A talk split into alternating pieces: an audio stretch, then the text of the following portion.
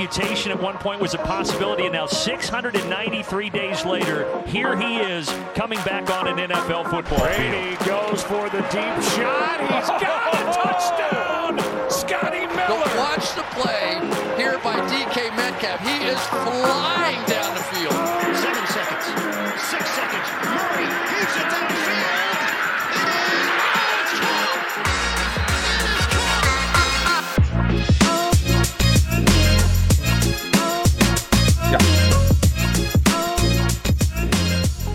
Welkom bij een nieuwe aflevering van de Sport Amerika Fantasy Football Podcast. Weekend nummer 6 in het nieuwe NFL-seizoen komt er alweer aan. We zijn alweer op een derde van het seizoen. En dus is het de hoogste tijd om vooruit te kijken naar de matchups, matchups moet ik zeggen, van dit weekend. En dat doe ik natuurlijk niet alleen, want ik word digitaal weer ge- vergezeld door Lars Leeftink Goedemiddag. en Jimmy Driessen. Hey, hallo. En eh, nou ja, Jimmy, ik begin even met jou, want zoals gebruikelijk eh, starten we natuurlijk met een recap van Thursday Night Football. De Tampa Bay Buccaneers gingen op bezoek bij jouw Philadelphia Eagles. Nou ja, ik weet dat jij groot fan bent van eh, quarterback Jalen Hurts als het gaat om fantasy, maar als het om echt voetbal gaat, puntje, puntje, puntje. Ja, hij is, hij is één iemand die een beetje de fantasy loophole quarterback cheater is. Omdat het een Russian quarterback is. Maar ja, hij speelde eigenlijk gewoon tot aan, ja, tot aan eind derde kwart speelde hij zo slecht weer. Hij had het geluk dat er niet meerdere picks kregen. Hij had uiteindelijk maar één int- interception. Dus de stadlijn ziet er op zich wel redelijk uit. Maar ja, het zag er niet uit. Maar ja, het bleek toch wel weer effectief als je hem op had gesteld. Want, eh, zeker. volgens mij had hij 26 punten. Ja, ze- 26 en eh, Brady kwam niet boven de 20. En dat is natuurlijk opvallend, want de Tampa Bay Buccaneers wonnen wel degelijk. Eh, zeg ik even uit mijn hoofd, 28-22 was het volgens mij Ja. de, eind, eh, de Ja, eindslag. 28, 22 inderdaad. En eh, wat voor wedstrijd was het verder, Jim? En het was een wedstrijd die heel erg leuk begon. De eerste drie drives, twee van de Buccaneers en één van de, van de Eagles, resulteerden in een touchdown. En daarna was het echt, ja, heel matig. Het was vooral van de Eagles was het een turnover fest. Ja, de Buccaneers hoefden niet echt. Die gingen op een gegeven moment, kwamen die met 28-7 volgens mij voor. Toen was het wel gespeeld. En toen kwam garbage time Hurts weer. Ja, en eh Hurts, die hebben we natuurlijk nu genoemd als eh, fantasy eh, ja, goede score. Andere opvallende namen, ik, volgens mij hell froze over, want volgens mij is de running back situatie bij de Buccaneers opgelost. Ja, Lenny Fournette, play of Lenny. Dat is degene die je gewoon nou makkelijk als een eh, RB2 of zelfs in eh bye weeks een RB1 eh, kan starten. Want hij heeft echt het backfield voor zich gewonnen. Eh, Rojo is eigenlijk geen factor meer. Gio Bernard komt af en toe op third downs erop. Maar ja, is in een PPR-format misschien als flex play eh, een optie als je, als je zwak zit in de, in de spelers. Maar eh, ja, het is echt Fournette. En voor Dat net is had ook zes catches hè, afgelopen, afgelopen nacht. Ja, Ja, voor net inderdaad een grote rol. Nou moet ik wel zeggen, ik heb altijd bij de Buccaneers het gevoel dat elke keer als ze op dit punt zitten, Ja. denken, nu is er een guy. Gewoon dit week, eh, volgende week dan Ronald Jones, gewoon 100 yards, twee touchdowns, weet je wel. Dat Nee, gewoon- nee, want de, de, de snap count is echt wel al eh, tijden in het voordeel. Waar in eh, week 2 Ronald Jones nog 41% had en Fournette 49%. Zit het de laatste tijd, als Bernard er niet is, 82% van Fournette. Dus als Bernard er niet is, heeft Ronald Jones er geen profijt van, maar Fournette. En het was nou 63% voor Fournette, 16% voor eh, Bernard en 19% voor Jones. Dus eh, ja, het is, het is duidelijk wie, eh, wie de alpha running back is. En dat is Leonard Fournette. Als ze van tevoren, voor het seizoen hadden gevraagd wie de alpha wide receiver zou zijn van de Bucks, dan zouden de meeste mensen waarschijnlijk Godwin hebben gegokt. Een aantal zouden misschien Evans hebben gezegd. Maar momenteel is het volgens mij gewoon eh Mr. Antonio Brown, die eh, ja, de eerste read van Tom Brady is in veel plays. En die momenteel eh, verreweg de, de meest lucratieve receiver is daar. Ja, hij had, het, hij had 13 eh, targets had hij. Terwijl Godwin en Evans bij elkaar er maar 9 hadden. Dus ja, het is duidelijk wie op dit moment de eerste read is. Maar ja, je weet ook, Evans wordt als enige altijd goed gecoverd door, door de beste cornerback. Dat was, dit keer was dat Darius Slay. Dus Evans heeft het, heeft het sowieso altijd moeilijk van die drie. Maar goed, ja, je kan ze niet alle drie bewaken. Dus ja, nou was het Brown. Volgende week waarschijnlijk weer Godwin. Nou ja, Brown toch al de laatste, de laatste weken heel steady. Dus eh, zou jij nu Ja, als nee, iemand... zeker. Want jij, ik weet dat jij heel veel Antonio Brown in jouw teams hebt, Jim. Ja. Ehm, zou je, als iemand nu met Chris Godwin straight up naar je toe komt, doe je dat dan? Eh, ja, dat sowieso wel. Omdat ik nog steeds eh, wel geloof in, eh, in het talent van Godwin. En ja, natuurlijk Antonio Brown. Ja, dat talent. Ik bedoel, dat is jarenlang de beste receiver in de game geweest. Maar toch eh, eh, lijkt mij Godwin ook qua, qua leeftijd gewoon een, een betere, betere play. Hele, kijk, in Dynasty zal je deze trade nooit krijgen. Maar in redraft zou ik het sowieso nog steeds doen. Als we even naar de andere kant gaan kijken. eh, nou, we, we- noemen natuurlijk al Hurts, running play. Voor is een reddende quarterback. Dat is over het algemeen slecht nieuws voor de running backs om hem heen. En volgens mij in Philadelphia blijft dat toch een lastige situatie met Sanders en met Gamewell. Ja, het, het was bizar. Eh, na, de eerste, na de eerste helft had eh, Miles Sanders had één poging, één rushing poging, voor één yard. Uiteindelijk heeft hij in het vierde kwart met acht minuten te gaan, heeft hij twee goede breakouts, waardoor hij toch nog op eh, 56 yards komt. Maar hij krijgt geen touchdowns, want hij pakt Hurts allemaal van zich af. Eh, de, de passing game lijkt hij af en toe een beetje de overhand te hebben, maar het is een coin flip met Gainwell, dus ja, ook in PPR is het niet echt een lucratieve optie. Maar goed, je hebt hem waarschijnlijk als je RB2 gedraft. En ja, wat zijn je andere opties? Ja, nou ja, misschien heb je Cordero Patterson of, of zo iemand opgepakt. Ja. Dan, eh, daar, daar had je dan eh, deze week niks Of, aan. of, want die is- of misschien voor deze week een, een, een Williams van Kansas City of een Booker van New York Giants. ja, Die zou ik allemaal boven hem starten. Ja. Zeker het feit dat eh, ja, de Buccaneers de beste run defense hebben. Dus eh, dat sowieso. Eh, laatste puntje nog over deze wedstrijd voordat we doorgaan naar onze starts en sits van de week. Rob Gronkowski was nog steeds uitgeschakeld. Dat begint toch ook alweer een, een lang verhaal te worden al inmiddels. Is het derde wedstrijd op rij waar hij niet bij was. Tot hier was Cameron Braid steeds een beetje de target, maar kwam er nooit echt uit. Gisteren O.J. Howard een touchdown. Ja jongens, twee, eh, twee tight ends waar de, die vechten om de, ja, de erfenis tussen aanhalingstekens van eh, Gronkowski momenteel. Tot die terug is. Eh, ja, kun je er één starten of gewoon je handen niet aan branden? Ik zou mijn handen er niet aan branden. Want volgens mij, van wat ik me kan herinneren, vorige week waren ze allebei ook geen factor. En deze keer, ja, nou goed, het is dat Howard een touchdown vangt. Maar als Howard geen touchdown vangt, dan heeft ook niemand het over Howard. Ehm, dus ja, weet je, ik zou er zeker gezien ook alle andere wapens die er nog om me heen lopen. ehm, en het feit dat Fournette nu ook steeds meer erbij betrokken wordt. eh, zou ik ja, gewoon lekker afwachten tot eh Gronkowski terug is. Ja, en ik denk ook, denk ook dat het deze week eh, qua dat segment tight ends betere streamers waren. Bijvoorbeeld met een Ricky Seals-Jones of een...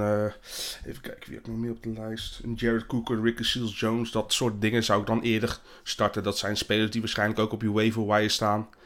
En eh, dan had ik die eerder eh, opgenomen. En, eh, moeten we trouwens nog over die vraag van Ja, Jens goeie, de heel, Munk hebben. Goed dat je daar nog even over begint. Ja, dat is een luisteraarsvraag. kwam inderdaad binnen van Jens, de, Jens de Munk, inderdaad. Munk? Is het een Griekse ei? Ik weet niet. Moeilijke Ja, naam. de Munk. Excuses als ik het niet goed uitspreek. Maar de vraag, geen dilemma en ook geen idee of deze vraag nog op tijd is. Dat is hij wel. Maar is het niet tijd om de regels voor quarterback aan te passen in fantasy? De rushing quarterbacks worden veel te veel bevoordeeld. Zie maar het verschil tussen Brady en Hurts vandaag in, in, ja, staat, eh, in vergelijking met de werkelijke prestatie. Ehm, ja, dus dat is heel logisch. Hè? Eh, Hurts pakt 26 punten. Eh, Brady maar, ik geloof 17 nog iets uit mijn hoofd. Terwijl, A- 18 volgens mij in een terwijl- 4-point per tas- passing touchdown. terwijl als je de wedstrijd kijkt zal, en je gaat degene die de wedstrijd hebben gezien vragen wie vond je de beste quarterback, dan zullen de meeste mensen Tom Brady zeggen. Ja, je, Eh, z- je ziet het alleen al aan de completions. Eh, 34 ge- geslaagde passes van Brady, maar 12 van Hurts. Ja, precies. En eh, dat, het probleem daarin is dat, het probleem tussen aanhalingstekens daarin is dat fantasy eh, niet, niet zozeer kijkt naar ja, het. eh, Nee, wacht, laat ik het anders zeggen. Fantasy inderdaad eh, waardeert rennende quarterbacks veel. Je krijgt gewoon voor gelopen yards en binnengelopen touchdowns over het algemeen meer punten dan gegooide yards en gegooide touchdowns. Ehm, de vraag die, die Jens stelt vind ik heel terecht in die zin dat je er best met je league een keer over kunt hebben. Van jongens, we zien nu hè, de Lamar Jacksons en de, de, de, de Allens en de, de Hurtsen. Ja, die maken zo een leap. Want zeker bij Allen, als hij een paar touchdowns gooit en er zelf twee binnenloopt, ja, dan schiet hij zo boven de 40 punten. Dan zou je met je league een keer kunnen kijken of je de, de score settings kunt aanpassen. Je kunt, want de standaard setting voor een quarterback, een gegooide touchdown is over het algemeen vier punten. En je kunt met je league bijvoorbeeld zeggen van, nou nee, we willen dat gelijk waarderen aan een lopende touchdown. Dus geven we daar ook zes punten voor. En dan wordt het verschil weer wat kleiner. En ja, met dat soort settings kun je spelen. Eh, ik denk niet dat heel de fantasywereld, zeg maar, eh, via fantasy breed, die, dat, eh, die omslag zal gaan maken. Maar ja, als je dat zelf leuk vindt om te doen, dan by all means zou ik het er met je league over hebben. Ja, ik, ik sta daar dus weer... Ja, ik, ik snap het idee wel inderdaad. Maar je hebt, wat mensen moeten begrijpen is dat je twee dingen apart moet zien. De wedstrijd NFL is anders dan fantasy voetbal. Je weet wat de regels zijn, maak daar gebruik van ten opzichte van degene die niet kijken naar de scoring settings. Jij kan de- dus wel gewoon een voordeel halen door niet een Baker Mayfield of wat dan ook te, te draften, maar een Jalen Hurts. Doe je Ja. voordeel mee. Ja, en in, en, en even bijvoorbeeld in, in diezelfde categorie is natu- nu natuurlijk nog geblesseerd, maar straks als Tua terug is, dat is ook een, een, een quarterback die, nou ja, eh, voor standaard quarterback metrics eh, waarschijnlijk niet tot de top zal behoren, maar ja, als hij zijn benen gaat gebruiken voor fantasy al heel snel interessant kan zijn. En, natuurlijk, hè, de, opkomst van Sam Darnold eh, dit seizoen komt ook omdat hij zelf vijf touchdowns heeft binnengelopen en daardoor heel hoog heeft gescoord. Dus het is inderdaad wat jij zegt, eh, Jim. Je moet vooral weten eh, ja, hoe het scoresysteem van jouw league werkt. Ja, en als jij, zoals Jens dus, eigenlijk vindt dat meer gooiende quarterbacks meer beloond zouden moeten worden in fantasy, dan is dat iets om met je league over te praten en eventueel de, de settings op aan te passen. Ja, laten we, laten we wel wezen, als je kijkt naar de, naar de quarterbacks die veel punten scoren, dan staan er eigenlijk maar nou, twee, hooguit drie echt pasende quarterbacks tussen. Dat zijn Tom Brady, eh, Patrick Mahomes en dan heb je Herbert. Nou, normaal staat Wilson daar ook wel bij. Eh, maar dan heb je het, als je echt hebt over pure, pure pasende quarterbacks, heb je het wel gehad. Dus weet je, de Allens, de, de, de Hurts, de Jacksons, die staan daar allemaal omdat ze zulke goede rushers zijn. Ja. Ehm, en dat, dat is ook gewoon, een daar moet je ook gewoon rekening mee houden. Ik vind dat dat inderdaad eh, onderdeel is van, van het spel. En ja, weet je, als je met je hele league inderdaad het gevoel hebt dat dat niet eerlijk is, dan moet je het daar inderdaad over hebben. Ehm, maar uiteindelijk hoort het inderdaad, wat Jimmy ook zegt, er is gewoon een verschil tussen, tussen echt NFL-voetbal en, en fantasy-voetbal. Helemaal mee eens. Goed, dan parkeren we hem hier. Gaan we door met de start en sit van deze week. Eh, Lars, ik begin even bij jou. Wie is jouw start van deze week?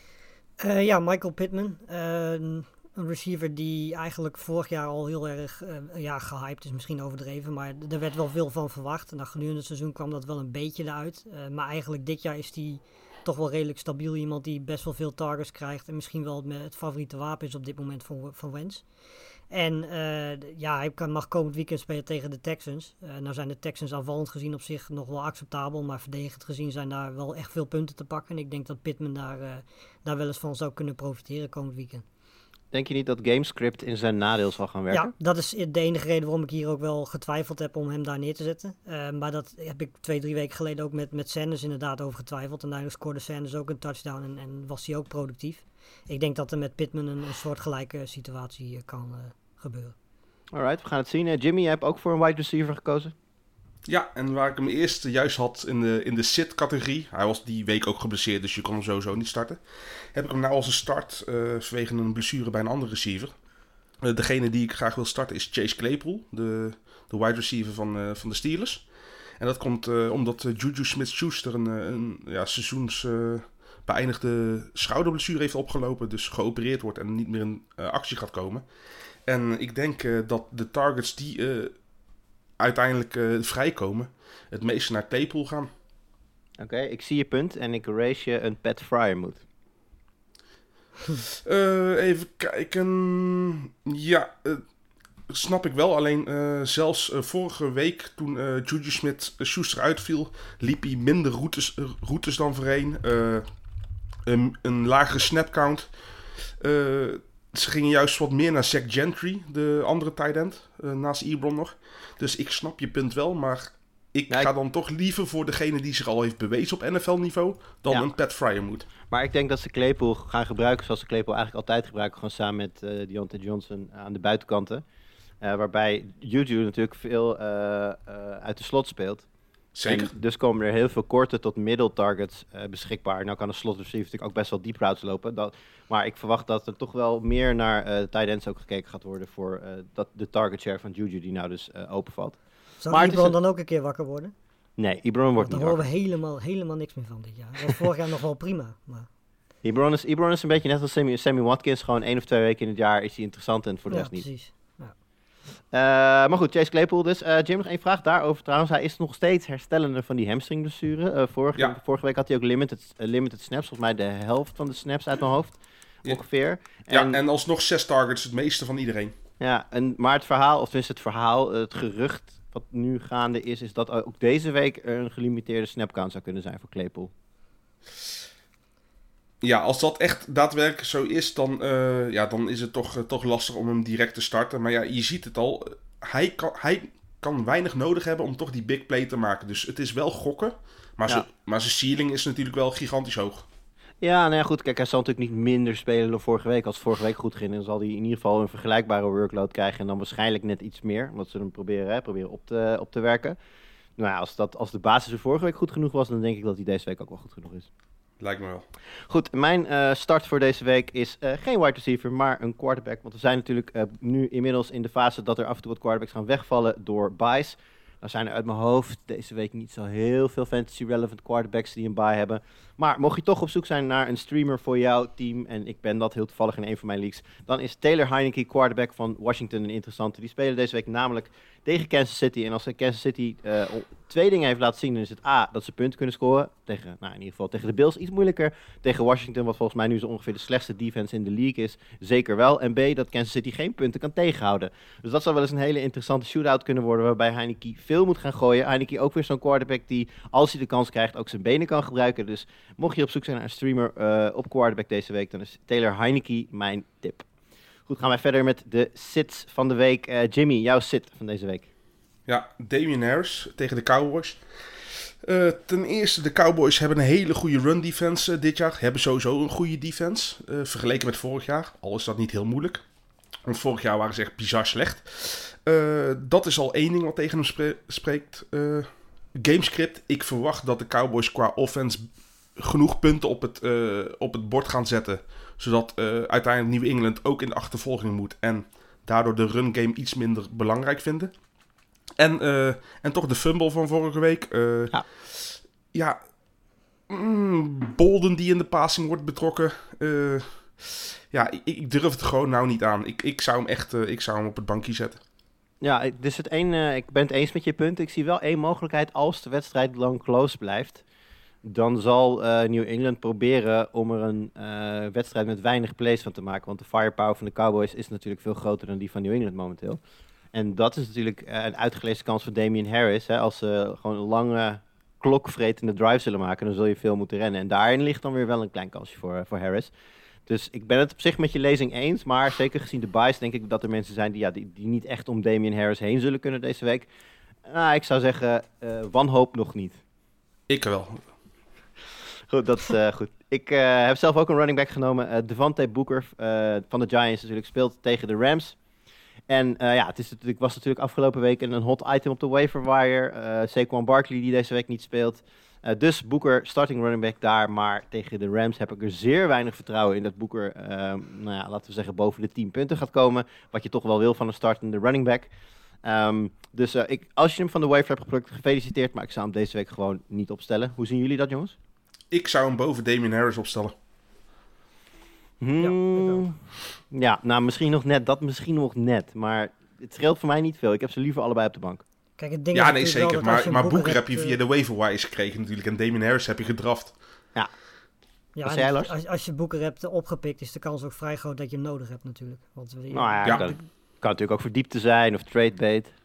Ja, precies. Ja, dat kan. Nou ja, goed, maar ik, ik zou inderdaad ook niet meer zeggen van ah, Boeken gooi ik er meteen in. Want inderdaad, die, die Rams defense is, eh, is wel een defense die dat eh, kan tegenhouden. Ik vind het nou typisch iets voor Jimmy om dan Devante Booker van de waiver te plukken. En dan de eigenaar van Saquon Barkley Ja. een bericht te sturen of je, of je een trade wil maken. Nou, ik kan je zeggen dat dat inderdaad wel een mogelijkheid is, ja. Goed. Eh, Lars, als laatste jouw sit voor deze week. Eh, ja, ik heb hier getwijfeld tussen Daniel Jones en Ryan Tannehill. Ehm, ik heb toch voor Ryan Tannehill gekozen. Volgens mij zijn Jones en AJ Brown allebei wel weer fit. Ehm, dus daardoor is misschien de upside van Tannehill wel weer iets hoger. Maar hij speelt tegen op dit moment eh, een van de beste defenses in de NFL, de Buffalo Bills. Eh, daarnaast is Tannehill de laatste week ook niet zo heel erg productief. Ehm, en ja, weet je, Henry loopt daar natuurlijk ook nog steeds rond. Ehm, dus ja, dit is nou eh, zo'n matchup waarvan ik zou zeggen van daar ga ik Tannehill niet tegen, tegen opstellen. Ja, ik zou, zou, zou misschien denken dat Gamescript hem hier wel kan helpen. Dan dat hij op een gegeven moment Ja. gewoon wel moet gaan gooien natuurlijk. Ja, maar maar- eh, ja, de Bills hebben laten zien een hele stugge die defense te zijn. En Ja, eh, vooral denk- die secondary is echt goed. Echt goed. Ja, daarom. Dus ik denk dat, eh, ja, volgens mij staan de Bills zullen momenteel ook wel dik bovenaan de power ranking staan. Ja, ja. Ja, dus ik eh, denk dat je daar gelijk in hebt last. Als je, er zijn betere kandidaten. Nou ja, ik, ik noemde net Taylor Heineke. Mocht jij Ryan Tannehill als starting, starting quarterback hebben, dan is dit misschien een goed moment om even te kijken of je Heineke nog van, eh, van de free agency kan plukken. En, en zelfs misschien eh, Carson Wentz. Nou is zijn ceiling zal waarschijnlijk niet hoog zijn. Maar ik denk dat hij nou wel een hogere floor heeft dan Tannehill deze week. Eens. Ja. Goed, dan waren, waren, dat, waren dat onze start en sits eh, van de week. Als je wat gerommel op de achtergrond hoort, dat komt omdat eh, mijn hond op mijn schoot gesprongen is. Die wilde aandacht. dat gebeurt ook gewoon tijdens. Het is allemaal eh, semi-live, mensen. Allemaal semi-live. We gaan door met de wedstrijden. Zoals altijd kiezen we om beurten een wedstrijd uit. En ik doe lekker brutaal en ik pak de eerste. Want morgenochtend stap ik in een vliegtuig naar Londen. En eh, ik ben zondag aanwezig bij De Kraker. De fantastische wedstrijd. de, de nu al legendarische ontmoeting tussen de Miami Dolphins at de Jacksonville Jaguars. Ja, jongens. ehm, vertel mij eens waar ik allemaal naar uit mag kijken.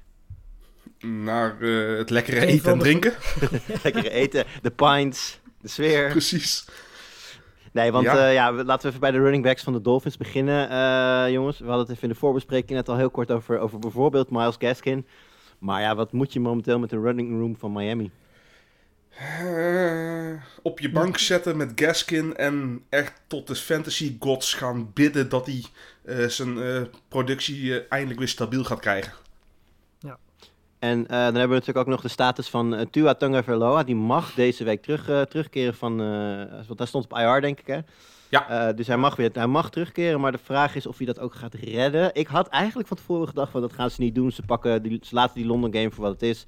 Pakken hun bye en dan daarna Tua rustig terugbrengen. Maar het schijnt dat hij kans maakt om daadwerkelijk te gaan spelen.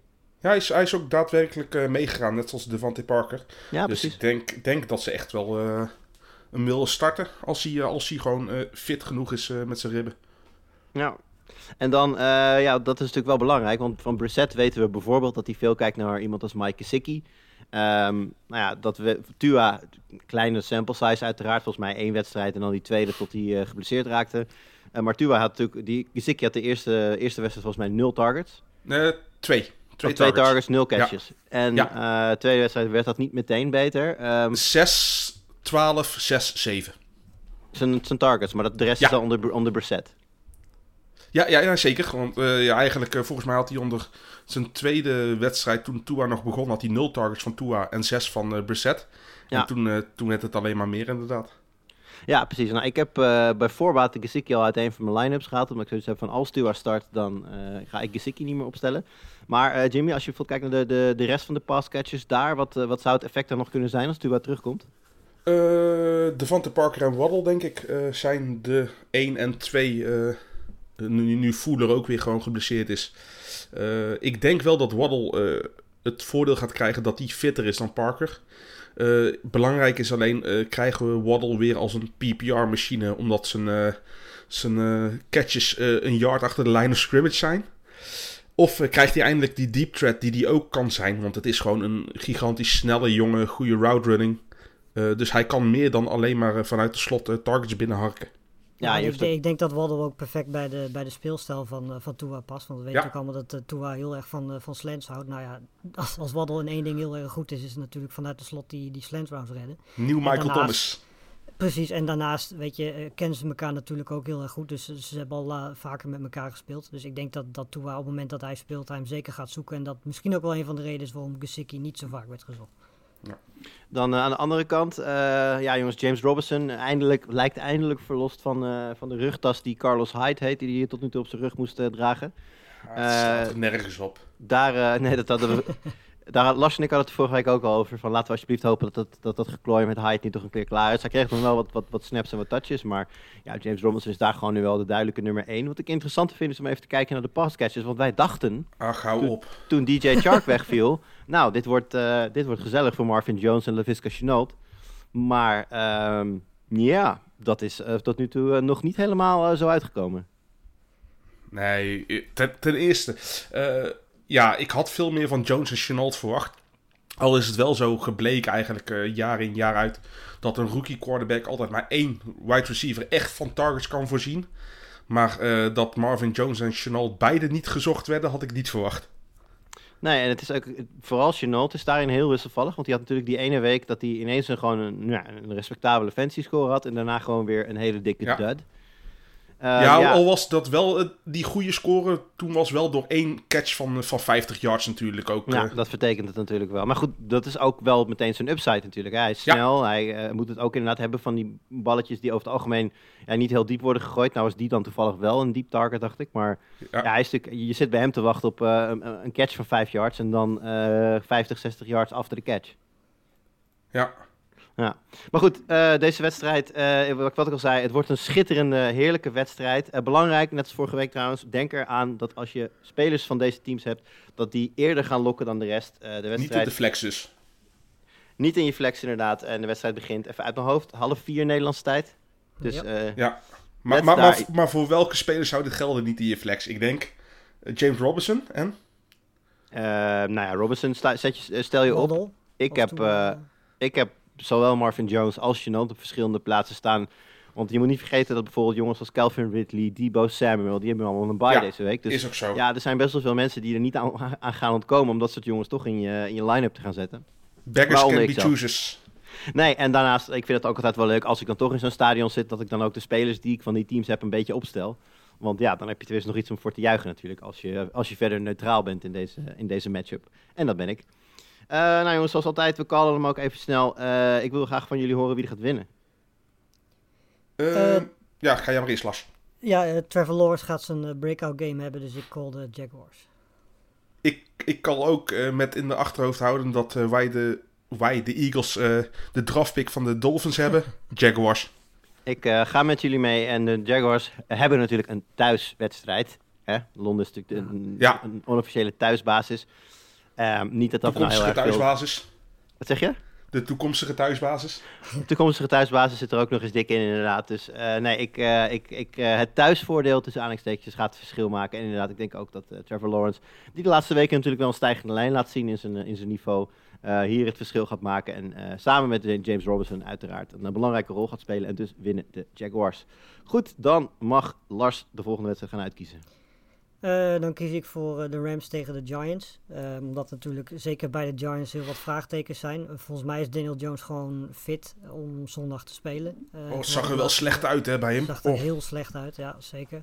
Ehm, ja, daarna natuurlijk, hè, we hebben heel veel blessures daar. Devante Booker, eh, die moet nu natuurlijk Barkley gaan vervangen. Het wordt interessant om te zien ja, of hij daadwerkelijk veel de bal gaat krijgen. Of dat bijvoorbeeld een Daniel Jones, ja, het is natuurlijk een risico misschien, net na zo'n blessure, om dan al veel te rennen met hem.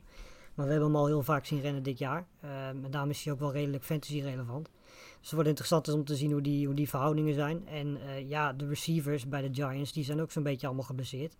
Eh, op eentje na, en dat is eh, Tony. En ik denk dat dat ook eh, ja, de meest relevante receiver van de Giants is op dit moment. Alhoewel het natuurlijk wel interessant wordt om te zien eh, hoe die situatie is als Daniel Jones straks speelt. En hoe die connectie dan gedurende een hele wedstrijd eh, is. Nou ja, die connectie is toch wel goed. Want volgens mij in week 4 had Tony ook al een goede game. En toen had hij ook al 9 Ja. targets. En, en volgens mij iets van 18 fantasy points. Dus Maar de, de vraag is dus natuurlijk vooral ook voor Darius Tony, als, als Daniel Jones niet speelt. En ik denk gezien de heftigheid van die, eh, van die hersenschudding, dat je daar toch wel ernstig rekening mee moet houden. Eh, is hij dan nog steeds een start voor, want dan komt Mike Glennon erin, denk ik? ja, zeker. Want eh Kadarius Tony was de enige die presteerde met Mike Glennon aan het roer. Ja, precies. Ja. Oké, nou dat is eh, goed om te weten voor alle mensen die eh, afgelopen week al hun vaap op Kadarius Tony hebben gegooid en eh, hopen op een goede wedstrijd. Aan de andere kant van de bal, jongens, Woods eindelijk een keer een goede wedstrijd van gezien natuurlijk. Vorige week donderdag was dat al. Ehm, zeg maar vanaf hier, Woods en Cup op gelijke voet, of zien jullie dat toch anders? Eh, stuivertje wisselen, denk ik nog steeds. Ja. Ik bedoel, het zijn beide gewoon hele goede receivers. Hebben zich al jarenlang bewezen. Hebben eindelijk een goede quarterback. En defensies gaan zich nou ook weer meer instellen op Cup natuurlijk. Dus dan komt er weer meer ruimte voor Woods. Woods kan daarnaast ook als een soort halve running back fungeren. Dus eh, nee, Woods is, eh, dat was echt een ultieme sell, eh, buy low kandidaat van de afgelopen weken. En ja, dat betaalt zich in ieder geval vorige week uit. Ja, ik eh, vond het jammer, want ik had vorige week toevallig een keer Van Jefferson in een van mijn teams gezet. En ju- juist die week deed hij natuurlijk niks. Heel jammer. Maar gelukkig heb ik ook genoeg Woods, dus dat was dan wel weer fijn. Eh, als we even naar de wedstrijd kijken, eh, de Rams, nou, natuurlijk duidelijk favoriet. Giants niet per se een hele slechte def- de- defensie. Ehm, Ja, ik, ik twijfel een beetje tussen eh, een scenario dat de Rams heel vroeg op een grote voorsprong komen en dat dan Henderson een hele flinke score zou kunnen neerzetten, omdat ze dan natuurlijk veel gaan lopen. Of dat het gewoon zo'n hele lelijke wedstrijd wordt waarbij beide ploegen bijvoorbeeld niet boven de 20 gaan uitkomen. Ja, daar zijn de Rams eigenlijk weer te goed voor, hè? Ja, dat denk ik ook. Ik denk dat dit een, eh, dat dit een Henderson game gaat worden. Eh, de run defense eh, stop van de Giants is dit jaar niet heel goed. Hebben vorige week eh, 201 rushing yards tegengekregen. Dus nee, en, en Henderson is eh mits fit. Dat is het enige probleem. Ja, hij is eh, zijn fitheid is... Hij heeft altijd wel een blessure hier dat hij een paar wedstrijdjes mist. Maar mits fit is het voor mij echt een van de upside plays deze week. Ja, we hebben het volgens mij op het begin van het seizoen helemaal over gehad. Dat, dat Henderson natuurlijk met het, eh, het ontbreken van Akers eigenlijk een beetje een, powerback naast hem miste.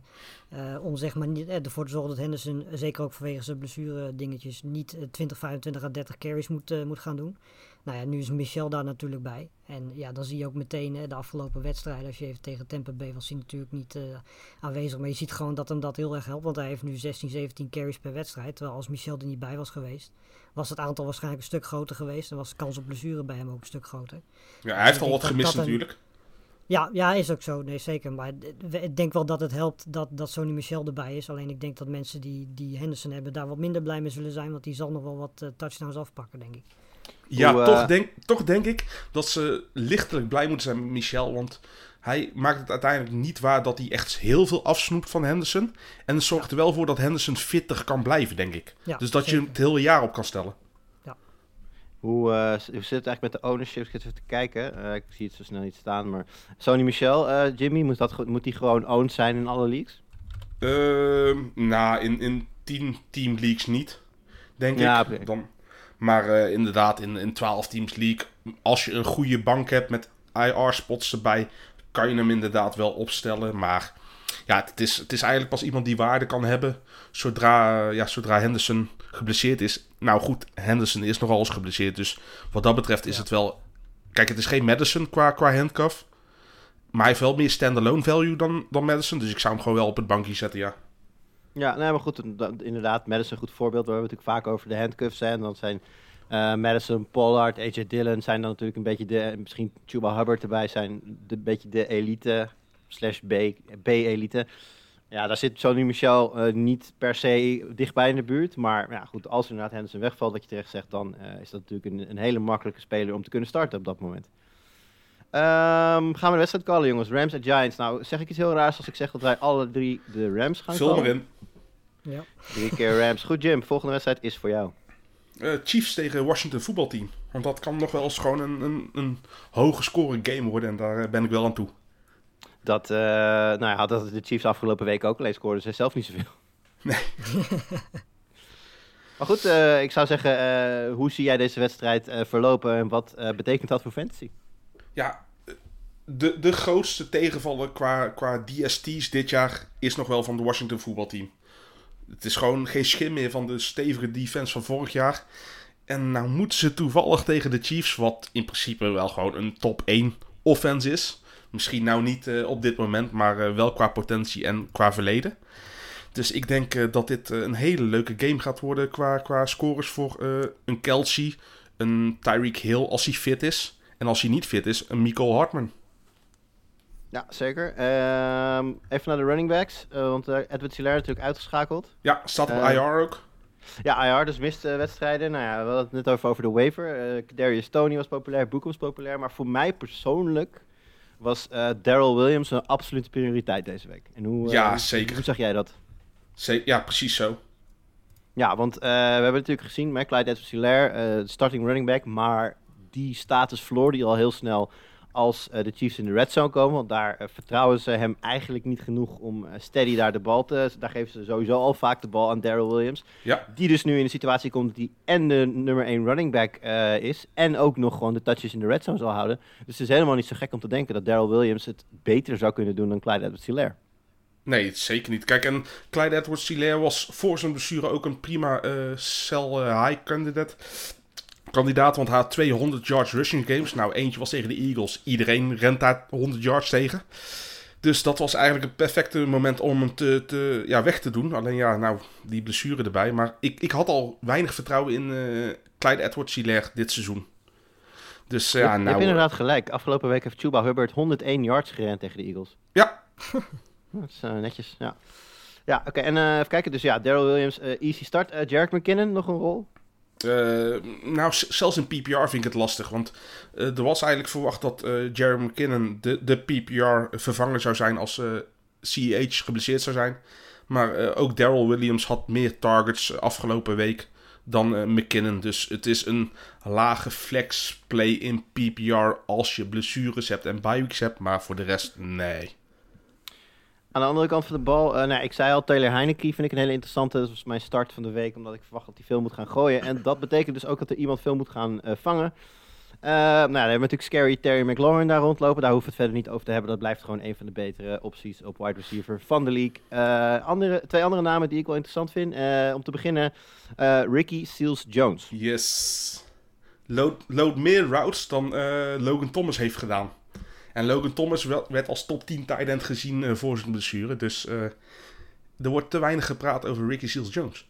Ja, volgens mij stond hij. Ik heb hem van de week in, in één of twee leagues wel opgepikt. En toen was hij volgens mij 3% owned. Dat, dit is dan op sleeper.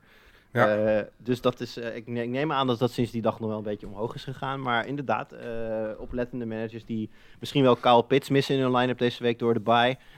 en die op zoek zijn naar een tight end, dan is Ricky Seals-Jones een, eh, een prima optie. Had een snap count van 99%. 82 snaps eh, vorige week. De week daarvoor 93%. Dus ja, eh, dat is vrij veel, hè?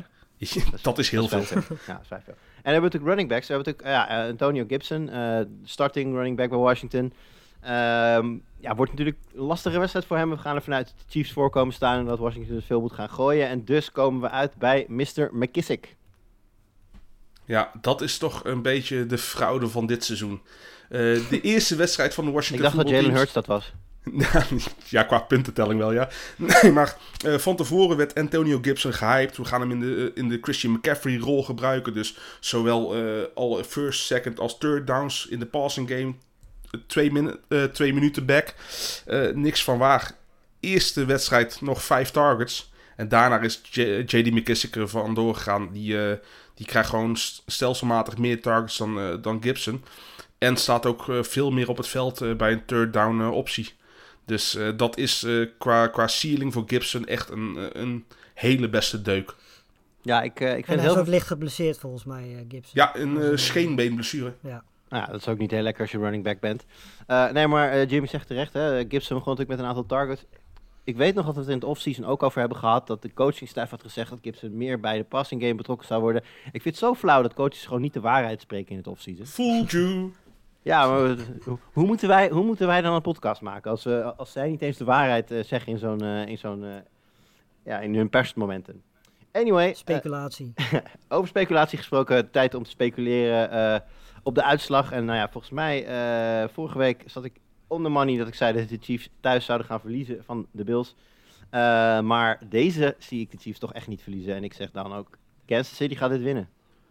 Vul maar drie keer in, denk ik, of niet, Lars? Ja, zeker. Drie keer KC, hele spannende wedstrijden. Ehm, dan eh, gaan we lekker sneken trouwens. Hè. Jim, mag jij gewoon meteen weer. Eh, ja, de Vikings tegen de Panthers, want we zitten toch weer met een dilemma.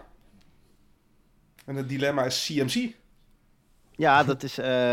Het begint ook een beetje. nou, hoe, kijk, hoe lang is hij nou? Dit is dan de vierde week. Het is weer Ja. hij is nog, steeds, nog steeds questionable. Nou, was hij volgens mij vorige week vrijdag. werd hij al meteen downgraded naar doubtful. Dus dan weet je al dat het er waarschijnlijk niet in gaat zitten. Hij is nu gewoon questionable, tussen aanhalingstekens. Eh, ja, zie- verwacht je dat hij gaat starten, Jim? Eh, als hij al gaat starten, zal het niet met full workload zijn. Dus dat als hij start, speel je hem sowieso. Maar zorg wel dat je een goede backup optie hebt. Ja, en Chuba, Chuba Hubbard. Ja, ik moet heel eerlijk zeggen, afgelopen week dan een goede wedstrijd tegen de, tegen de Eagles. Maar het is natuurlijk niet alsof je...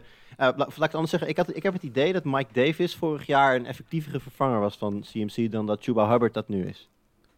Ja, dat denk ik ook. Al, al scheelt het ook wel dat het eh, een beetje een vertekend beeld is. Want vorig jaar mocht Mike Davis wel de touchdowns binnenlopen. En dit jaar doet Sam Da- Darnold dat.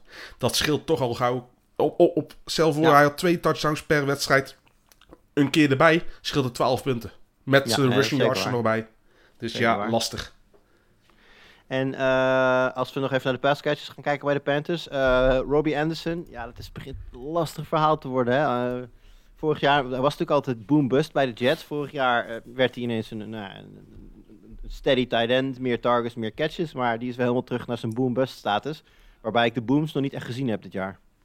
Nee, het, het is... Het is we- ik zat daar echt heel erg mis mee op het begin van... Hij is vorig jaar was hij de slot receiver bij de Panthers. En hij kent de quarterback met Darnold.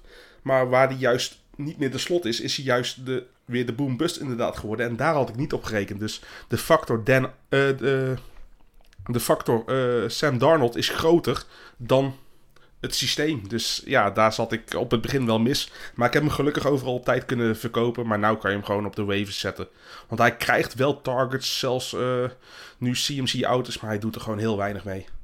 Volgens mij is op dit moment de, de, de enige- relevante receiver die ze hebben is eh, DJ Moore volgens mij. Ja, Ja, ik hoop nog steeds dat Terrace Marshall ook nog doorbreekt. Maar dat eh, is ook niet iemand die je op dit moment al in je line-up wil hebben, inderdaad.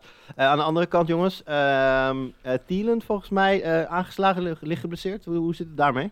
ja sowieso is het al lastig. Want ja, hij, hij is inderdaad licht geblesseerd. Maar eh, ja, hij is ook vermist. Waar ik hem vorig- vorige week, toen ik er niet was, maar wel eh, advies had gegeven. Dat je hem gewoon kon starten als wide receiver 2, eh, was het weer teleurstellend. Ja, maar toch eh, op de een of andere manier. Ik heb Thielen in een aantal van mijn teams. En ik stel hem gewoon op zonder daar verder heel veel over na te denken hoor.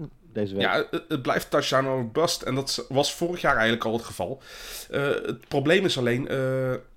het aantal gegooide touchdowns in het begin van het seizoen door Cousins was gewoon absurd hoog.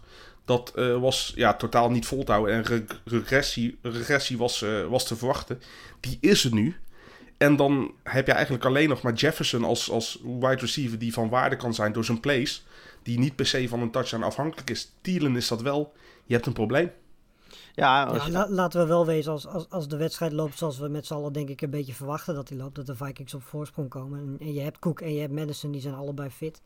Dan is de kans natuurlijk ook heel erg groot dat, dat. Cook en Madison vaker de bal zullen krijgen dan dat Thielen dat krijgt. Zeker omdat Jefferson er natuurlijk ook nog is. ik Ja. weet niet of de Vikings zo makkelijk op voorsprong gaan komen. Ik vind de Panthers defense dit jaar best wel goed. Ja, Ik, nou, eh, anders helpt Darnold ze wel. Ze hebben, nou ja, goed, ze hebben, ze hebben natuurlijk een, een heel matig, eh, zeg de eerste drie weken hadden ze hele matige tegenstanders. Dat heeft de boel natuurlijk een beetje vertekend. Nou, vorige week Maar- had ze ook een matige tegenstander hoor. Ja, maar niet matig genoeg. Nee, blijkbaar niet. nee, maar ik verwacht wel eh, nu thuis tegen, eh, tegen de Vikings. Ik, nou, ik verwacht niet dat de Vikings heel snel heel, eh, heel ver voor kunnen staan. Zeker als, eh, als McCaffrey wel speelt en nou ja, op de momenten dat hij op het veld staat ook een beetje op zichzelf lijkt. Want dan moet je natuurlijk ook nog maar afwachten hoe, eh, hoe fit hij dan is.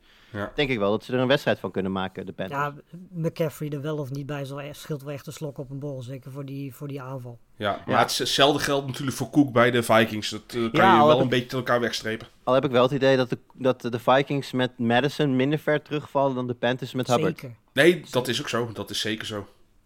Ja, dus eh, dat eh, wordt interessant om in de gaten te houden. Trouwens, eh, nog even jouw punt, Jimmy. Ik zie inderdaad vorige week Thielen drie targets.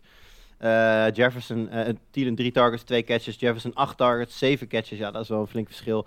Uh, Thielen krijgt bijvoorbeeld net zoveel aandacht als Tyler Conklin momenteel. Ja, en dat is natuurlijk niet... eh sterker, Didi Westbrook had meer targets. En KJ Osborne had ook meer targets dan, dan Adam Thielen. Dus dat zal misschien te maken hebben ook met die lichte blessure die hij heeft. Waardoor hij wellicht net wat minder explosief is dan normaal. Misschien net niet lekker open komt. Maar eh, totdat eh, verholpen is, eh, ja, zou het zomaar kunnen dat er nog wat mindere weken van Thielen aan zitten te komen. Maar, het was wel, Ehm. maar dat was wel echt een premium matchup tegen de Lions vorige week natuurlijk. Hè? En hij gaat het deze week gaat hij het lastiger krijgen. Ja, maar tegelijkertijd de, tegen de Lions, ja, het was natuurlijk wel gewoon een redelijk spannende wedstrijd nog. Ja, maar dat had je van tevoren niet verwacht. Want de Lions secondary is gewoon heel slecht. Geeft heel veel yards op normaliter. Ja, nou, mijn punt was een beetje van, ze zijn natuurlijk Madison. eh, dus ik ging er eigenlijk blind vanuit dat de Vikings ver voor hadden gestaan. Maar Ja. op dat moment herinner ik me dat het stiekem een hele spannende game was. Eh, dus dat, dat was helemaal niet zo'n factor. Nee, inderdaad, het, eh, het, het, het Ja, maar dat, zou juist dan zelfs in het voordeel van Thielen kunnen spreken dan. Omdat het nog close was. Goed, we gaan hem callen, jongens. Vikings at Panthers. Jullie zeggen allebei dat de Vikings gaan winnen? Eh, Ja. mm, ja, de CMC-factor die is hier wel echt van toepassing. Ik, ik eh, verwacht dat hij niet eh, gaat spelen of niet volledig. Dus ik call de Vikings, ja. Ik, Lars zei al Vikings. Ik call hier de Panthers. Ik denk dat de Vikings genoeg, al hebben laten zien dat ze al genoeg problemen hadden met de Lions. Ik denk dat de Panthers beter zijn. En ik denk dat de Pan- Panthers gaan winnen van de Vikings. Dan ben jij weer aan de beurt, Lars. Eh, ja, Bengals Lions. Ehm, Oh, jij dacht, ik kies even, dat een, het, je, eh, je pakt even een goede wedstrijd tussenuit. Precies, ik dacht, we hebben het over de Lions, waarom niet? Eh, dit is een beetje de wedstrijd zoals we die denk ik vorige week ook verwachten bij Vikings Lions. Veel offense. We hebben natuurlijk vorige week weer die combinatie Burrow-Chase gezien. Die denk ik misschien nu toch al wel iets langer doorloopt dan dat wij verwacht hadden. Iedereen verwacht nog steeds dat Chase misschien een beetje terug gaat vallen nog. Ehm, maar ik denk eerlijk gezegd dat komend weekend niet gaat gebeuren. Ehm, ik denk dat die twee ook gewoon ja, weet je, van nature al zo'n goede combi zijn. eh, dat dat voorlopig wel doorgaat en dat dat eerder impact zal hebben op een, eh, op een Boyd, op een, eh, een, een Uzuma, op een... nou ja, Mixon is natuurlijk nog twijfelgeval. Ik weet niet zeker hoe, hoe zijn status nu is. Maar eh, volgens mij is Pirine daarachter ook niet fit. Covid-lijst. Eh, Ja, COVID-lijst. Dus Chris Ja, dus- Evans misschien oppikken als hij er nog is. Ja, precies. Nou ja, en, en dan als je dan kijkt bij, bij de Lions, ja, weet je, eh, maken wij ons al zorgen om Hawkinson of eh, is dat nog nergens op gebaseerd? Nou ja, ik, ik maak er geen zorgen om in zoverre dat eh, ja, de rest van de tight ends die je anders kan starten ook gewoon slecht kunnen zijn. Maar ja, het is wel problematisch dat hij nou echt dubbele aandacht van elke defensie krijgt. En er zijn sowieso echt maar weinig teams die een goede offense kunnen draaien op puur alleen een tight end. Ja, nee eens. Ik eh, denk dat je daar eh, precies de juiste zegt, Jimmy. Dat de defense is gewoon heel goed. Uh, Hawkinson momenteel afstoppen met inderdaad dubbele dekking. En dat ze sowieso van, nou ja, eh, versla, versla ons dan maar met je, met je wide receivers. Probeer, su- succes met Ja, dat. en, en dat dat- is het toch ook gewoon. De ene is een dood is de andere brood. Want Amon St. Brown, die staat ineens wel op. Ja, nee, dat is zeker waar. En dat is ook tegelijkertijd weer eh, dan de ja, mazzel, of de, de- het geluk voor, voor, een, eh, voor een Hawkinson. Eh, op het moment dat, dat, die, hè, dat de wide receivers beginnen te presteren en dat het daar gaat lopen, dan krijg je vanzelf dat teams toch die dubbele dekking weg gaan halen bij Hawkinson. Ja. Omdat ja, je, hè, je, je, je zult op een gegeven moment wel moeten natuurlijk. Dus dan komt er weer Uiteindelijk komt er weer balans. komt er weer balans en dan zal Hawkinson zijn, eh, zijn, zijn topweken ook wel weer gaan draaien. Eh, maar eh, zorg, ja, ik heb Hawkinson in een, in, ook in een aantal leagues. En ik start hem momenteel niet van harte. Het is wel, ik, ik, ik kijk wel naar bijvoorbeeld, een, ik vind hem bijvoorbeeld een, een Ricky Seals Jones, vind ik al, ik start hem nog niet over Hawkinson, maar het scheelt niet veel meer. Nee, maar, maar hoe... Kijk, hij, hij zou een sure bet zou, eh, moeten zijn van tevoren inderdaad. Iemand die je gewoon hoog hebt gedraft en altijd eh, start. Alleen ja, er zijn gewoon in tight end land zijn er gewoon zo weinig goede opties. Het, het blijft een coin flip. En dan, eh, kijk, Hawkinson heeft nog natuurlijk wel gewoon een, een bizar hoge ceiling nog als hij wel weer die 10, 9 targets krijgt. Ja, ja goed, nou ik, dat zeg ik ook, want ik, heb hem, ik, ik laat hem nog staan. Ehm, want ja, ik heb hem inderdaad ook als, je hebt hem als top, top 5 tight end gedraft. En ja, ook een Seals Jones moet het nog maar laten zien natuurlijk. Dus dat eh, heb je helemaal gelijk in. Ehm, nog andere dingen die we hier even moeten benoemen voor deze wedstrijd, jongens? De running backs van de Lions wellicht? Ja, ik hoop dat Swift eindelijk een keer echt gewoon eh, los mag breken. Want het is de hele tijd eh goede game, minder goede game. Zijn floor is lager dan ik had verwacht. Zelfs in PPR. Want hij krijgt inderdaad nog steeds wel targets. Maar niet meer die 11 targets die hij in week 1 had. Eh, en hij is gewoon beter dan Jamal Williams. En dat liet hij in die, in die laatste touchdown van Swift liet hij dat zien. Gewoon, het is gewoon, qua talent is het gewoon echt zo'n goede running back. En ik, ik gun hem meer.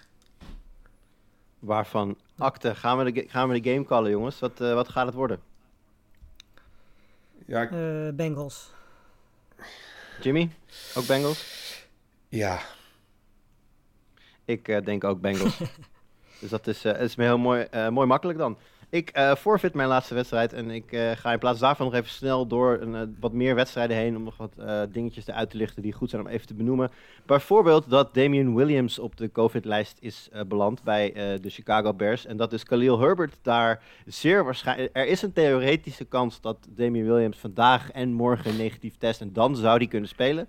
Maar eh, ja, die kans is, eh, heb ik me laten vertellen, vrij klein. Dus de kans Ja. dat Khalil Herbert dan daar de startende running back gaat zijn, is eh, vrij groot. Eh, maar, maar, maar, maar hier, zelfs als eh, Williams wel zou spelen, dan heeft Herbert nog best wel flex appeal. Want hij, zat voor, hij kreeg vorige week kreeg hij, eh, Ja. meer attempts dan Williams al, zeg maar. Dus Helemaal, helemaal. Waar? Gaan we verder eh, heel even snel stilstaan nog bij Texans at Colts. Want daar speelt meneer Cooks. En meneer Cooks heeft twee eh, zeer matige duels achter de rug. Maar ik voorspel je dat we deze week gewoon weer de oude Brandon Cooks te zien gaan krijgen. Hij heeft twee pittige matchups achter te kiezen. Precies. En, eh, zal nu gewoon weer die dependable 15 punten pakkende wide receiver gaan zijn die je eh, daar kent.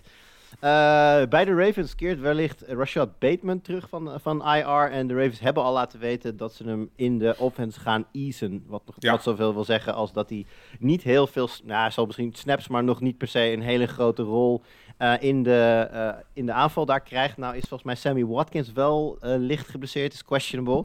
Dus dat zou eventueel een kleine push kunnen geven voor een iets voor sneller een iets grotere rol voor Bateman. Maar ik denk dat we hem deze week gewoon op de bank kunnen houden. Ja, en kijk, je hebt met Andrews en eh, Marquise Brown, die beide monster performance hebben neergezet eh, vorige week maandag. Die, eh, ja, daar gaan al, gaan al targets van Lamar Jackson heen natuurlijk. Ja, ik ben heel benieuwd of bijvoorbeeld een Andrews of zo, of, of, of, een, of een Hollywood Brown for that matter, ehm eh, sell high targets zouden kunnen zijn. Want op het moment dat Bateman wel fit is en Watkins eventueel ook, ja, dan krijg je daar natuurlijk ook in een, in een offense die sowieso al niet pass, pass first is, krijg je daar Ja. natuurlijk ook een probleem met, eh, met targets. Zijn wel iets meer naar neut- neutraal gegaan dan dat ze ze, moeten waren. wel.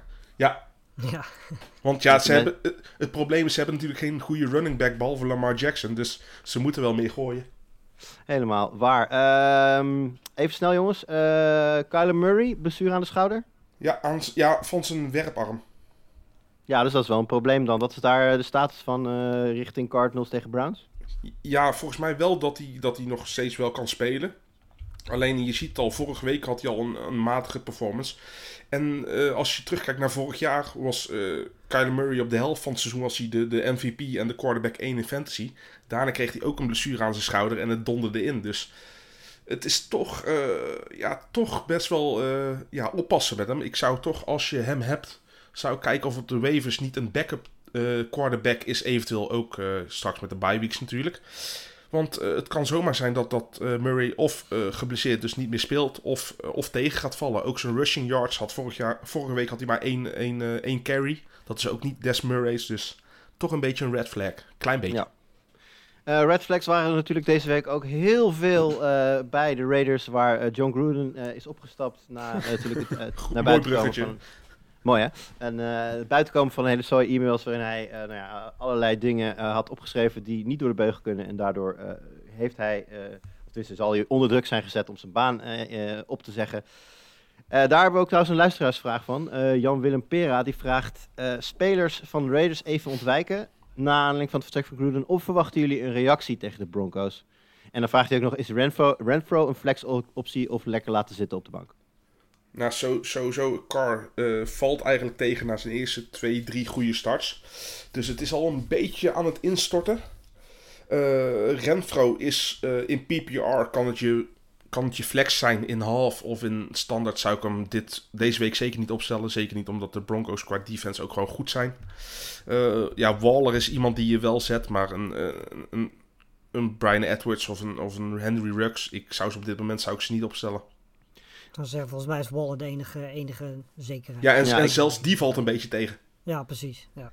Ik zou inderdaad even kijken, eh, ja, een beetje wait and see, kijken hoe die aanval er nu uitziet zonder Gruden. Eh, Carr trouwens ook echt een, eh, een, hè, het project van John Gruden. Eh, Ja. wilde, wilde ook niets weten van een andere quarterback. Dus ja, ook maar even afwachten of de nieuwe head coach, volgens mij hebben ze nu de of offensive of defensive coordinator is nu interim, eh, geloof ik. Oh, durf, ik, ja, Ja, ik heb het wel nee. gelezen, maar ik weet niet precies meer. In ieder geval, het is even de vraag natuurlijk of, hoe de, of de nieuwe eh head coach straks eh, ook eh, zo lang met Carr door wil. eh, die natuurlijk nog wel eens wat bedenkelijke weken kan, kan hebben. Dus eh, nou ja, om antwoord te geven op je vraag, als je weg kan blijven van de Raiders, doe dat vooral op, eh, op Darren Waller. Nou inderdaad, want dat blijft natuurlijk gewoon Waller de baller. Eh, dan denk ik dat dat de meest eh, belangrijke dingen was. Ah, nou nog heel snel misschien eh, even naar de Seahawks natuurlijk. Eh, Russell Wilson geblesseerd geraakt vorige week. Eh, ligt er, nou ja, dat zijn de meningen over verdeeld, maar waarschijnlijk minimaal vier weken uit. Het zou er ook zes of acht kunnen zijn. Ehm, ja, Gino Smith, jongens, zijn vervanger, eh, heeft natuurlijk veel impact op DK Metcalf en Tyler Lockett. Wat, eh, hoe zien jullie dat? Ja, ik, ik, ik heb eh, precies om die reden ook Chris Carson bij mijn buys gezet. Ehm, omdat hij eh, en natuurlijk terugkomt van de blessure. Ja, een chronische Eh, blessure ook nog, hè? Dus daar moet je sowieso Ja. mee oppassen aan zijn nek. Ja, Nou, weet je wat, Ja, weet je wat eh, Lars? Eh, weet je wat, we pakken hem gewoon gelijk door. We gaan door naar onze buy en zelfde week. Omdat dit, deze, eh, deze situatie komt hier eh, behoorlijk veel in terug. Jij hebt inderdaad Chris Ja. Carson als buy gezegd. Ik heb DK Metcalf en Lockett als buy, als buy opgeschreven. Maar maak jij je case eerst maar. ja waarom ik Chris Carson genoemd heb, hij komt natuurlijk terug van de blessure. Dus de, de grote vraag is natuurlijk vooral hoeveel workload hij meteen gaat krijgen. Ehm, maar Chris Carson was, was terwijl Russell Wilson daar al was, was hij al een heel belangrijke rol natuurlijk in die offense. En ik denk met uh, Russell Wilson out, denk ik dat ze, weet je, natuurlijk Geno Smith zal echt wel pasen. Dus ze hebben ook wapens in die offense. Dus die gaan ze gewoon blijven gebruiken. Maar ik denk dat juist omdat Geno Smith nu daar de quarterback is, denk ik dat ze toch ook wat meer zullen gaan kijken naar, naar Chris Carson. Zeker als die uh, de komende weken weer een beetje wat fitter begint te worden. En ja, weet je, ik bedoel, hij heeft natuurlijk in week 4 niet zo'n fantastische week gehad. Hij heeft blessure gehad.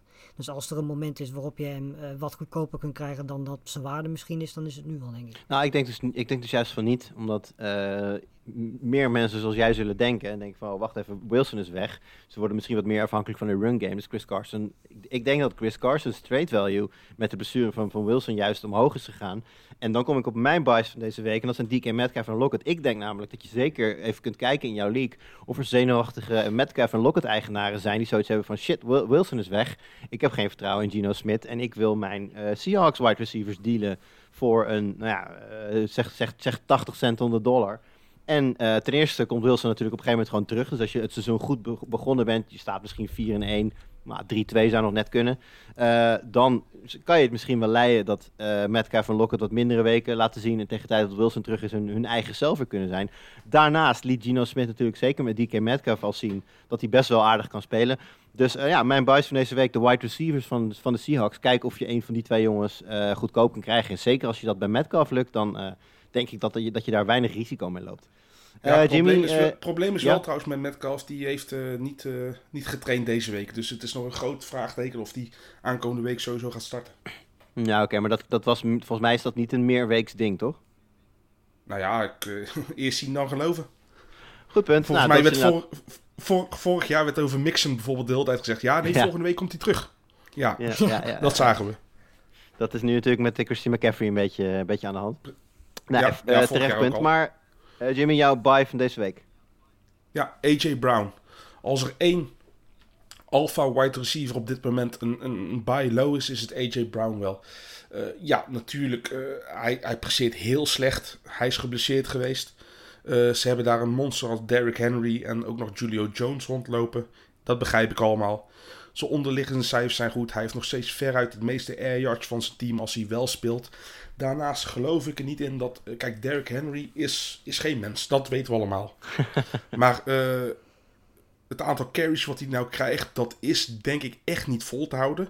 Het aantal touchdowns wat hij loopt. Kijk, je kan erop betten dat het wel, wel lukt. En dat is best een reële mogelijkheid. Maar ik denk nog steeds dat de kans groot is dat de touchdown uh, rate qua uh, rushing touchdowns en, en throwing touchdowns, gooiende touchdowns, wat meer in balans gaat gebeuren. Vorig jaar had, uh, hadden ze twee uh, gooiende touchdowns per, per game en anderhalf rushing. Dit jaar zitten ze maar op 1,2 per game qua, qua gooiende. En uiteindelijk zal het altijd weer een soort regressie doen. En ja, AJ Brown gaat echt nog wel genoeg touchdowns scoren. Is, is het misschien een idee, Jim, om deze buy van de week volgende week je buy van de week te maken? Want ze spelen natuurlijk deze ja, week zeker, Buffalo. Zeker. Ja. Het is natuurlijk niet per se dat hij deze week al gaat scoren. Kijk, je kan natuurlijk wel, als ik de owner van AJ Brown zou zijn en jij benadert mij, dan zou ik zeggen van, nou ja, als je interesse hebt, dan moet je hem ook deze week maar komen halen. Want hè, ja, ze spelen nu tegen de Bills. Dus die moet je dan maar even op de koop toenemen. En dat zou ik dan ook gewoon lekker doen. Als je maar een ik, goede deal kunt maken. Ik denk dat AJ Brown al op een, op een gigantisch laag punt zit. Dat zelfs een volgende teleurstelling, een verwachte teleurstelling, het niet veel lager zal krijgen. Het probleem is wel, heeft hij wel een goede game aankomende week? Ja, dan ben je te laat. Precies. Ja. En dan is het ook nog eens extra erg, want dan heeft hij het nog laten zien tegen de Bills. Precies. Ja, hele goede, hele goede punten. Um, toch over de, over de Bills gesproken, Jimmy. Jouw uh, zelf van deze week. Ja, uh, Nox. En ik weet het. Tight end land is slecht, is walgelijk. Uh, volgens mij is Nox op dit moment de, de nummer 2 tight ends in de, in de ranking. Gaat hij niet volhouden. Waarom? Zie Robert Tonyan vorig jaar en dit jaar. Natuurlijk wordt hij wel al meer in de passing game betrokken. Zijn, zijn floor ligt wel wat hij, hoger dan Tonyan. Maar deze touchdown rate gaat hij net als een Gronkowski aan het begin van het seizoen. Gaat hij dit jaar niet volhouden. Uh, je hebt hem waarschijnlijk van de waivers geplukt. Probeer hem te upgraden naar een andere tight end. Of als je een andere goede tight end op je bankje hebt zitten samen met Knox. Uh, probeer hem in een package deal te krijgen met een wide receiver voor een betere wide receiver. Of met een running back voor een betere running back. Want ja, dit is niet vol te houden. Nee, het is eh, afgelopen week had hij eh, vier targets, eh, daarop drie catches gemaakt. Maar ja, er zat natuurlijk die, eh, die, die lange run bij. Dus hij Ja. kwam uiteindelijk 117 yards uit met een touchdown. Kijk, en, en Ja. ik, begrijp het, ik begrijp het allemaal. De, de- je wilt zoveel mogelijk spelers van de Bills hebben, want dat is op dit moment gewoon de beste offense die er is. Maar regressie komt eraan, zeker omdat Stefan Dix op dit moment eh, qua output heel erg tegenvalt. Maar qua onderliggende cijfers, zijn target share is van 20 naar 17% gegaan. Valt wel mee, maar zijn air yards zijn gigantisch eh, omhoog gegaan van Stefan Dix. Plus zijn completion is op dit moment 60% eh, terwijl zijn carrière op 70% zit. Dus Dix gaat een inhaalslag doen. En dat moet ten koste van een Knox gaan bijvoorbeeld. Ja, of een Sanders, want die draait natuurlijk Ja, ook eh, behoorlijk hard. Maar Ik, Sanders eh, heeft het al meerdere jaren laten zien. Dat is waar. Maar ik heb Das, ja, Da- Dawson Knox is net 24 natuurlijk, zo lang loopt hij Nee, zeker. meer. Maar eh, ik, eh, ik heb hem in een aantal teams en ik, eh, ik zie hem niet als een cel momenteel. Ik zal je vertellen waarom. Eh, de Bills spelen deze week tegen Titans. Nou, die, eh die matchup word je niet bang van. Dan hebben ze een bye. Daarna Miami, Jacksonville, de Jets, Colts. Nou ja, en dan in week 12 de Saints is eigenlijk de eerste keer dat ik weer een defense zie. Daarna wordt het ook meteen pittig met de Saints, de Patriots en de, de, de Buccaneers en de, en de Panthers. En dan weer de Patriots. Dus eh, tegen de tijd dat je de playoffs bereikt hebt, heb je misschien een nieuwe end nodig. Maar de komende zes weken zit je met Da- Dawson Knox wat mij betreft gewoon geramd. Nee, maar als je bijvoorbeeld een, een Dawson Knox met een Debo Samuel eh, doet... en je krijgt er een, een, een DK Metcalf voor. Zou ik doen. Eh, ja, volgens mij is dit letterlijk een voorbeeld dat ik in een van de Amerikaanse podcasts heb gehoord de afgelopen dagen. Precies, Oh. precies dat, dat pakket ook. Heel, eh, heel apart. Oh, grappig. Maar inderdaad, dat eh, zo- zo'n soort package deal voor een upgrade zou kunnen werken. Zeker als je je trade partner perso- personele problemen heeft, wellicht door de bias, dat soort dingen. Ja. Even kijken, Lars, jouzelf deze week ook een tight end. Ja, een beetje vergelijkbare situatie. Dalton Schultz van, eh, van de Cowboys, die de laatste drie weken natuurlijk ook fantastisch scoort. eh, voornamelijk vanwege zijn, eh, vanwege zijn touchdowns. Heeft er drie gescoord in drie wedstrijden. Krijgt op zich ook wel gewoon steady 7, 8 targets per wedstrijd. Ehm, maar dit, ja, de, kans dat hij dit net zoals een Knox gaat volhouden is heel erg klein. Gallup gaat nog terugkomen binnenkort. Ehm, je hebt daarnaast ja, de, de welbekende wapens op receiver. En je hebt natuurlijk ook nog twee hele goede running backs daar lopen. Ehm, de, kans dat Schultz dit tempo, dit qua scoren gaat volhouden, weet je, er zal zo af en toe, zeker omdat hij een aardig gunstig programma heeft. eh, als je kijkt naar de defense waar hij tegen speelt, zal er zo af en toe wel eens een wedstrijd tussen zitten.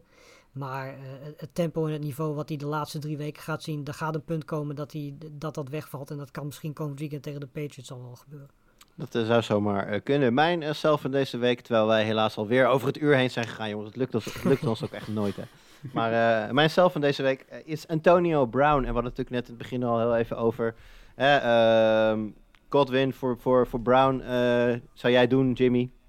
En dat ja, is ook precies ja, zeker. dat is ook precies een beetje mijn punt. Ik denk namelijk dat als er ooit een moment is dat je Antonio Brown inderdaad kunt treden voor een wide receiver als Chris Godwin, of misschien nog zelfs wel iets daarboven.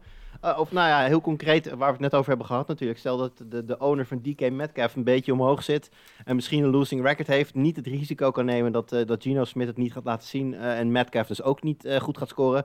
Wellicht zou je bij hem dan dus Antonio Brown eh, kwijt kunnen. Eventjes eh, kijken wel naar die blessure van Metcalf, als, of dat eh, nog iets is om op te letten. Maar eh, nou goed, mijzelf van deze week. Ik denk dat Antonio Brown's waarde momenteel zo hoog is als dat hij zou kunnen zijn. Ik geloof best dat hij de rest van het seizoen blijft presteren en productief blijft. Maar zo steady als de laatste weken, voor mij iedere week een touchdown en iedere week bijna of over de 100 yards. eh, dat eh, gaat zelfs Antonio Brown uiteindelijk niet volhouden. Dus als je er nu een, een absolute alpha receiver voor kunt, eh, kunt krijgen, een wide receiver one, dan zou ik die deal zeker pakken. Ja, vergeet ook niet dat Gronk ook nog ooit eens een keer weer terugkomt. Ja, en dat is natuurlijk het echte beste vriendje van, van, van Tom. Brady. Dus, dus hij moet het nu met zijn backup beste vriendje doen. Ja, Dan gaan we door. Nog eventjes. We hebben nog twee eh, vragen van de luisteraars, jongens. Eh, Louis, Louis Teunissen die vraagt op Superflex half PPR twijfel ik eh, tussen Amon Ra, Amon Ra St. Brown of Humphries. Want hij heeft een bye week van Debo Samuel en hij moet kiezen. Het maakt niet uit, want ik, ik, nee, ik, ga, ik ga toch tanken tegen hem. Dus ik ga nog even mijn slechte spelers doen. Ah, hij speelt tegen jou. Ja, ja, Ja, ja, ja. Wat is het toch dat mensen die tegen jou spelen altijd bij ons om advies komen vragen? Dat is uh, laatst Hols, eh, Hols ook al. ja, ja. Ja. Waarschijnlijk Eh. omdat ze denken dat ik toch niet luister naar deze podcast.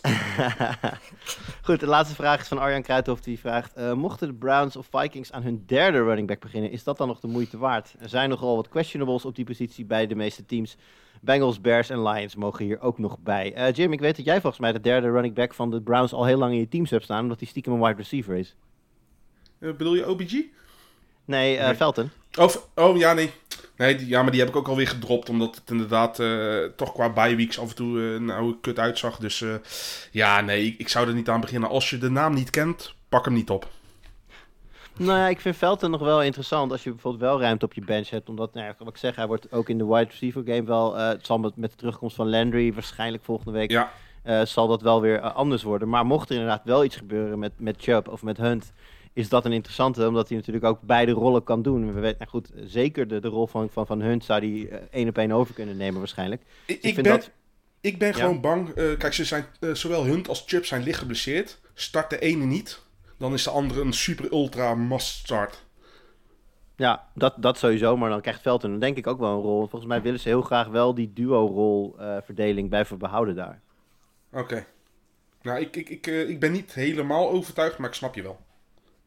Alright, dan eh, even kijken. Ja, de, en de rest is, nou ja, goed. eh, ja, ook de Bears natuurlijk zijn natuurlijk. Hè, Khalil Herbert is natuurlijk de derde running back van de Bears. Dus die, die speelt aankomend weekend gewoon. Dus zo zie je maar hoe het kan lopen en hoe eh, spelers dan ineens relevant kunnen zijn. Volgens mij is Alex Collins trouwens op papier ook de derde running back van Seattle. Want volgens mij staan Carson en Rashad Penny normaal gesproken boven hem op de depth chart. Ja, maar kijk, kijk alleen maar naar James Robinson vorig jaar. Oké, natuurlijk, James Robinson is... Niet ieder jaar staat er een nieuwe James Robinson op. Maar die eh, moest eerst Fournette moest weggaan. Eh Ozigbo en nog iemand, die stonden ook nog voor hem. Die waren alle twee geblesseerd. Dus hij was de vierde keus eigenlijk. Ja, en breekt uiteindelijk door. Maar goed, zo kan het inderdaad lopen, maar dat weet je niet van tevoren. Wat we ook niet van tevoren weten is hoe de wedstrijden aankomend weekend gaan aflopen. Maar gelukkig is het bijna weer zondag en kunnen we bijna weer gaan kijken naar de NFL. Ik hoop dat je wat, hebt wat hebt gehad aan onze tips. Alvast heel veel plezier, heel veel su- succes in je matchups. En we spreken elkaar volgende week. Tot dan. Tot ziens.